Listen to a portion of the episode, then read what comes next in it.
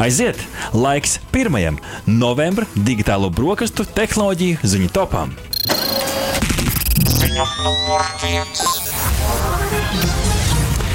Energoresursu sadārdzinājumu dēļ Latvijā trīs mobilo sakuru nodrošinātāji cels cenas, kā vēstīja Latvijas televīzija. Telekomunikācija nodrošinātāja Bite, Latvijas mobilais telefons un uh, Tele2. Bite un Latvijas mobilais telefons cenas jau ir paaugstinājuši no 1. novembra, Tele2 tās pacels līdz ar 1. decembri.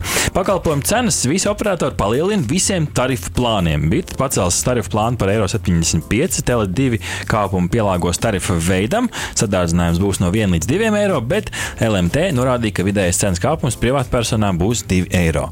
Uzņēmumu gan noliedz, ka būtu notikusi kāda savstarpēja vienošanās, ko arī norādīja konkurences padome, kas pieļauj, ka visticamāk nav bijuši nekāda saskaņošana, vienkārši uzņēmumi novēro tās viens otru tendences, un līdz ar to tas lēmums tā nu, maģiski vienā laikā ir klāt. Taču, Rihard, nu, visiem ir tas jautājums, par ko tad mēs maksājam? Man šķiet, ka tev ir atbilde.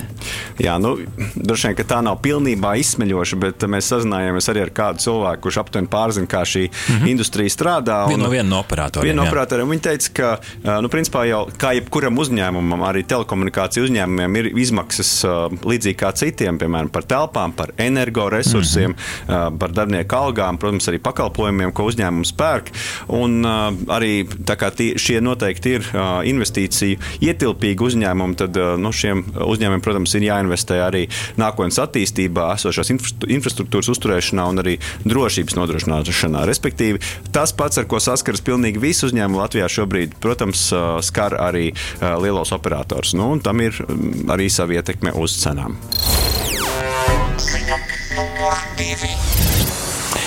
Ilonam Maskam pilnībā pārņemot Twitter vadību, pagājušajā nedēļā ziņojām, ka tikai pirmie banku pārskaitījumi nākamajā dienā jau bija pārskaitījis un ir jau Twitter uh, chief tweet, jeb galvenais tweets.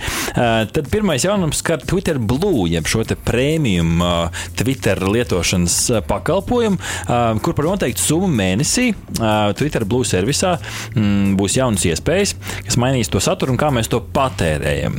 Prioritārais servis pēc Maska teiktā gan pagaidām nevis oficiāli jau ieviesis, bet tikai pēc teiktā, iekļaus uh, prioritāru statusu uh, mentions, jeb atbildēs, uh, pieminēšanās uh, un meklējumos, kas pēc uh, Maska domā ir būtiski, lai cīnītos ar spamu. Uh, maksas lietotāji varēs publicēt garās formas, audio un video, kas ir interesanti, tad garāk nekā šobrīd, uz pusi mazāk reklāmas un papildus no speciālajiem uh, influenceriem, ja publicā, pub, no, publikāciju avotiem uh, varēs arī um, laikam bez uh, kaut kāda īpaša saturu arī dabūt. To gan vēl redzēsim, tas tā patiešām miglā tvī, eh, šobrīd ir eh, tīts. Um, līdz ar to šobrīd eh, Twitter Blue piedāvāja lasīt artiklus, jeb rakstus bez reklāmām. Atsevišķās valstīs varēja rediģēt tvītus un atsaukt tos, bet atsevišķās, kā arī pielāgot savu izvēli. Tās jau bija funkcijas, kas bija līdz šim, nu šīs tā kā varētu nākt klāt, kā ziņo portāls The Verge. Tad iespēja iekšēji Twitter esot apspriest arī variants, ka šo zilo mazo ķeksīti, jeb blue checkmark, varētu tirgot par 20 dolāriem mēnesī, nevis kā līdz šim, kad to piešķir nu, par vai nu tu esi kāda amatpersona, oficiāla iestāde, vai nu patiešām uh, liela, liela sekotāja skaita influenceris. Nu, Rihard, uzspēlējam veco labo spēli. Zilais Twitter ķeksis pārvērtēts vai nenovērtēts? Nu, es teiktu, ka esošajā situācijā ne šis, ne tas, jo man liekas, ka es to arī tā vienmēr esmu uztvēris, ka, ja šim Kā cilvēkam ir zilais ķeks, tad jā, tas, mm. tas nozīmē, ka tas tiešām ir premjerministrs vai tiešām mm. kāds influenceris, bet, nu, kad, jo tieši šādiem cilvēkiem mēdz būt, tiek radīti dažādi šie te māņu konti, kas mēģina atdarināt šos cilvēkus, tad tas zilais ķeksītis palīdzēja noteikt, ka tas ir īstais cilvēks, bet, nu, šī jaunā funkcionalitāte, nu, protams, tas padarīs Twitter Twitteri nevienlīdzīgāku, bet droši vien kādam liks apdomāt, vai ir vērts investēt šos 20 eiro mēnesī.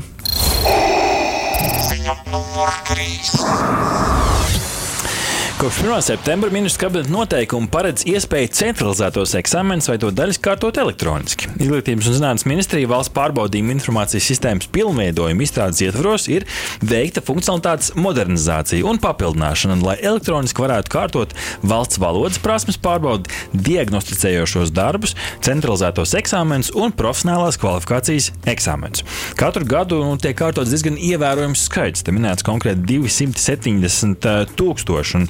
Citai līdz, līdz valsts pārbaudījuma informācijas sistēmas funkcionalitātes uzlabojuma ieviešanai bija vērojams būtisks atšķirības, kā tiek izmantotas informācijas un komunikācijas tehnoloģijas katrā pārbaudījuma veidā. Līdz ar jauno valsts pārbaudījumu sistēmu ir izstrādāts vienots risinājums, maksimāli salāgojot valsts pārbaudījumu procesus, kas ļaus sagatavot, kārtot un vērtēt valsts pārbaudījumus e-vidē, būtiski uzlabot un efektivizēt šo organizēšanu un norisi, kā arī optimizēt gan laiku, gan resursu, gan izmaksas, kā stāsta Izglītības zinātnes ministrijas informācijas tehnoloģija departamenta direktore Inguna Kampāna. Nu, Rihard, kā tu kopumā skaties uz šādu pārbaudījumu, digitalizāciju kā izglītības eksperts? Jā, kas nu es par izglītības ekspertu, bet šeit radio. Bet man šķiet, ka kopumā, kopumā, protams, tas ir solis pareizajā virzienā. Ir pilnīgi skaidrs, ka visus eksāmenus nevarēs kārtot elektroniski.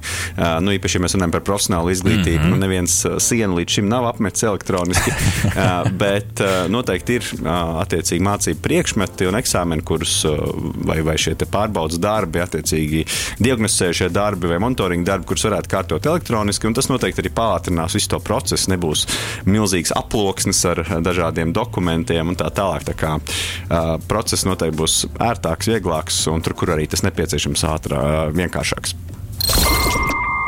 Ziņa numur 4.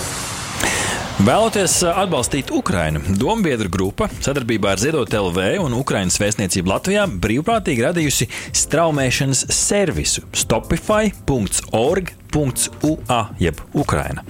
Nelieliem, bet regulāriem ziedojumiem ikmēneša abonementa formātā. Līdzīgi kā mēs abonējam dažādus straumēšanas servisus, tur TV, audio un tā tālāk, ir šāds līdzīgs straumēšanas ziedošanas servis, lai palīdzētu nodrošināt Ukrainas armijas akūtās ikdienas vajadzības un palīdzētu ātrāk izbeigt Krievijas uzsākto karu. Platforma darbojas pēc ikmēneša abonentu principa. Lietotājs izvēlas vienu no trim abonēšanas plāniem, ko jebkurā brīdī var mainīt vai atcelt. Ziedojums, kas ir labā ziņa, vairs nav jādomā, nu, uz kurieni vai kam ziedot. Tas automātiski noiet, nonāk projekta partneri, lielākās labdarības organizācijas Ziedot LV speciālajā Stopify fondā. Un par savāktiem līdzekļiem tiks iegādāts ekipējums un citas nepieciešamās lietas karavīriem. Savukārt Ukraiņas vēstniecība Latvijā nodrošinās informāciju par akūtām bruņoto spēku vajadzībām. Nu, informācija par ziedojumu izlietojumu tiks publicēta pēc tam Stopify sociālo tīklu kontos, līdz ar to varēs redzēt, kur tā nauda arī pēc tam aiziet. Un servis darbosies līdz Ukraiņas uzvaras dienai vai brīdim, kad tiks parakstīts uz Ukraiņas nosacījumiem balstīts miera līgums. Jā, nu, un, protams, tā nav vienīgā iespēja. Aizsardzības ministrija apkopojusi un aicina ikvienu sniegt humanitāru atbalstu Ukrainai, kā Ukraiņas kara bēgļiem, sazinoties ar Latvijas Republikas iekšlietu ministriju, kā arī, protams, sadarbojoties ar labdarības organizācijām ziedot.lv un redcross.lv, kā arī Ukraine svītriņa Latvija.com. Var sakot, varat atrast, kur tad varat pielikt savu plecu atbalstam. Jā, nu, katrā ziņā dažādas iespējas, bet nu, šeit es saskatu tādu nosīt labumu, tev regulāri tu par to nav jādomā. Katru mēnesi naudu aizskaitās. Skaidrs ir tas, ka tā aiziet tiešām īstiem mēķim izbeigt karu Ukrajinā. Ziņa numur 5. Vēl viena ziņa saistībā ar eh, Twitter. Tas mums ir mūsu ziņu topā jau eh, kuro reizi. Džeks Dorsijs, Twitter dibinātājs un bijušais izpilddirektors, vai teikt pat Twitter tēvs, pagājušā nedēļā izziņoja sava jaunā sociālā tīkla Blue Sky Social beta versiju. Līdz ar to pagaidām ierobežotam lokam. Blue Sky Social ir blokķēdē bāzēts decentralizēts sociālais tīkls un pašreiz pieejams beta versijā, kā stāsta portāls Kursors. Uzņēmuma pārstāvi norāda, ka pirmo divu dienu laikā pēc pēc beta versijas izziņošanas tajā bija reģistrējušies jau 30 tūkstoši lietotāji. Tad, tad šos agros adaptētājus viņi jau ir uzrunājuši. Vienlaikus ilgi nesot jāgaida, kad šī lietotne visticamāk būs pieejama arī publiski. Bluesky tīmekļa vietnē teica, ka, ietvers, iet, ka tas ietvers jaunu sociālo tīklu standartu, kas satura veidotājiem sniegs neatkarību no platformām, izstrādātājiem brīvību radīt un lietotājiem arī tādu pieredzes brīvību kopumā. Pēc uzņēmuma teiktā to visu nodrošinās tehnoloģija AT protokola, pie kuras nu, Bluesky strādā un kas ļaus lietotājiem pašiem kontrolēt algoritmus, kas ir interesanti. Jā, nu paskaidrošu nedaudz sīkāk, ka Bluesky social idejas pamatā ir radīt tādu standartizētu protokolu sociālo mediju platformām, kas ļauj šobrīd tādām nu, nodalītajām pasaulēm, jeb sociālajiem tīkliem daudz labāk sazināties savā starpā, neskatoties, neskatoties to, ka katram sociālajam tīklam ir sava satura moderēšanas pieeja. Nu, tāda mm -hmm. iespēja vairāk sociālos tīklus jā. Savienot vienā sistēmā. Nu, tie, kur, protams, vēlēsies to darīt. Nu, jā, interesanti. No viena, no viena uzņēmuma projām jaunā iekšā, nu redzēs, vai tā popularitāte un tas, tā tendence sekot tam tēvam, vai tā turpināsies. Jo pagaidām nu, ir jau bijuši uzņēmumi arī runājot par pašu Twitter, kas ir teikuši, nu, ja, piemēram, bijušais ASV prezidents atgriezīsies Twitter, viņam ļaus to darīt, nu, tad cilvēki un uzņēmumi iešot prom no Twitter. Nu, tāda stīvēšanās vienā pusē jauns īpašnieks, otrā šeit nu, mm. vecais īpašnieks taisa jaunu sociālo tīklu, redzēs, kas no tā viss sanāks. Jā, un katrā ziņā šie federētie sociālie tīkli varētu būt viena no tēmām arī nākamā gada digitālajiem brokastiem. Ļoti, ļoti iespējams. Tāds digitālu brokastu tehnoloģiju ziņu tops šajā nedēļā. Aha! Paldies, ka noklausījāties mūsu līdz galam! Ja patika, uzspiediet laiku, atstājiet komentāru vai padalieties ar draugiem. Un nobaudiet arī citas epizodes, kā arī sekot mums, lai nepalaistu garām savu ikdienas tehnoloģiju ziņu devumu.